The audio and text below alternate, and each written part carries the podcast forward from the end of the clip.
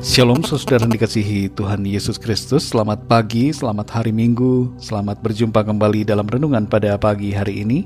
Doa dan harapan saya saudara semua ada dalam keadaan yang baik Sehat, penuh sukacita dan berkat-berkat Tuhan. Sebelum kita mendengarkan renungan firman Tuhan Mari sama-sama kita berdoa Bapa kami yang di sorga, Bapa dalam nama Tuhan Yesus Kristus, kami mengucap syukur ya Bapa oleh karena kasih setiamu yang selalu Tuhan limpahkan dalam kehidupan kami. Terima kasih kami boleh bangun kembali dengan kekuatan, kesehatan, dan berkat-berkat Tuhan. Saat ini kembali kami mau mendengarkan sabda firman-Mu, urapi setiap kami dan berikan kami pengertian untuk memahami akan kehendak-Mu. Dalam nama Tuhan Yesus kami berdoa. Haleluya. Amin. Saudara yang dikasih Tuhan, pembacaan Alkitab kita pada saat ini terdapat dalam Injil Markus pasal yang ke-15. Saudara dapat membacanya secara pribadi setelah mendengarkan renungan ini. Saya akan membaca Injil Markus 15 ayat 21 sampai 25. Tertulis demikian.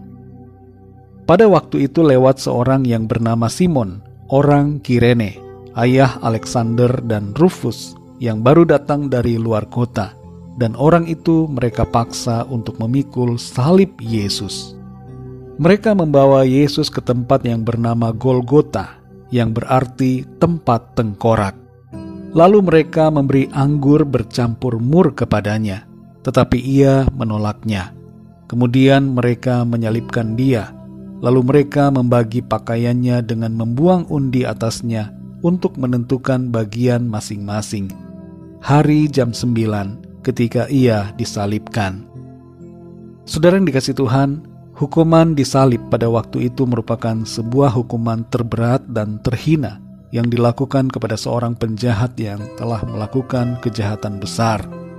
Hukuman inilah yang dialami oleh Tuhan Yesus, bukan karena ia telah melakukan suatu kejahatan, tapi karena ia difitnah dan dituduhkan yang tidak benar. Hukuman yang ia terima tidaklah setimpal dengan perbuatannya. Kehidupannya yang suci tanpa dosa harus mendapatkan hukuman kematian. Tuhan sendiri telah mempersiapkan dirinya menjadi korban yang layak untuk menebus segala dosa kita. Tidak ada pengampunan tanpa curahan darah. Manusia yang berdosa harus ditebus oleh pribadi manusia yang suci tanpa dosa, dan syarat itu dipenuhi oleh Tuhan Yesus. Dalam ayat ini saudara kita membaca, ada seorang yang bernama Simon, orang Kirene, yang dipaksa oleh para prajurit Romawi untuk memikul salib Yesus. Tidak diketahui dengan begitu jelas siapa sebenarnya Simon ini. Yang jelas dan pasti bukanlah Simon Petrus.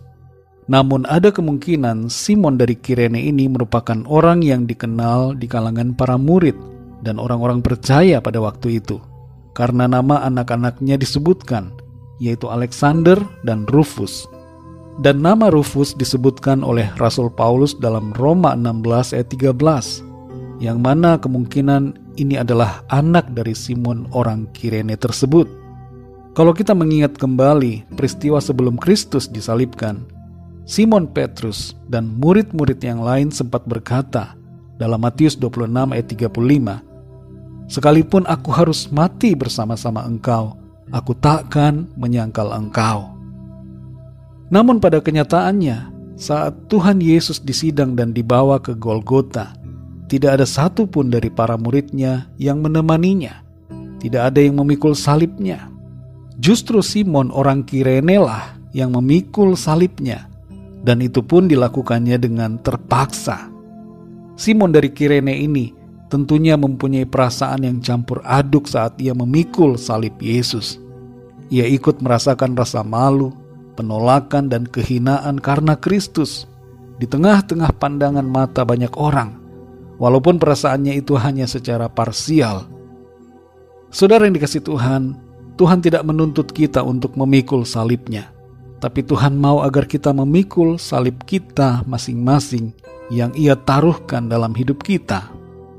Dalam Lukas 9 ayat 23 tertulis, Katanya kepada mereka semua, setiap orang yang mau mengikut aku, ia harus menyangkal dirinya, memikul salibnya setiap hari, dan mengikut aku.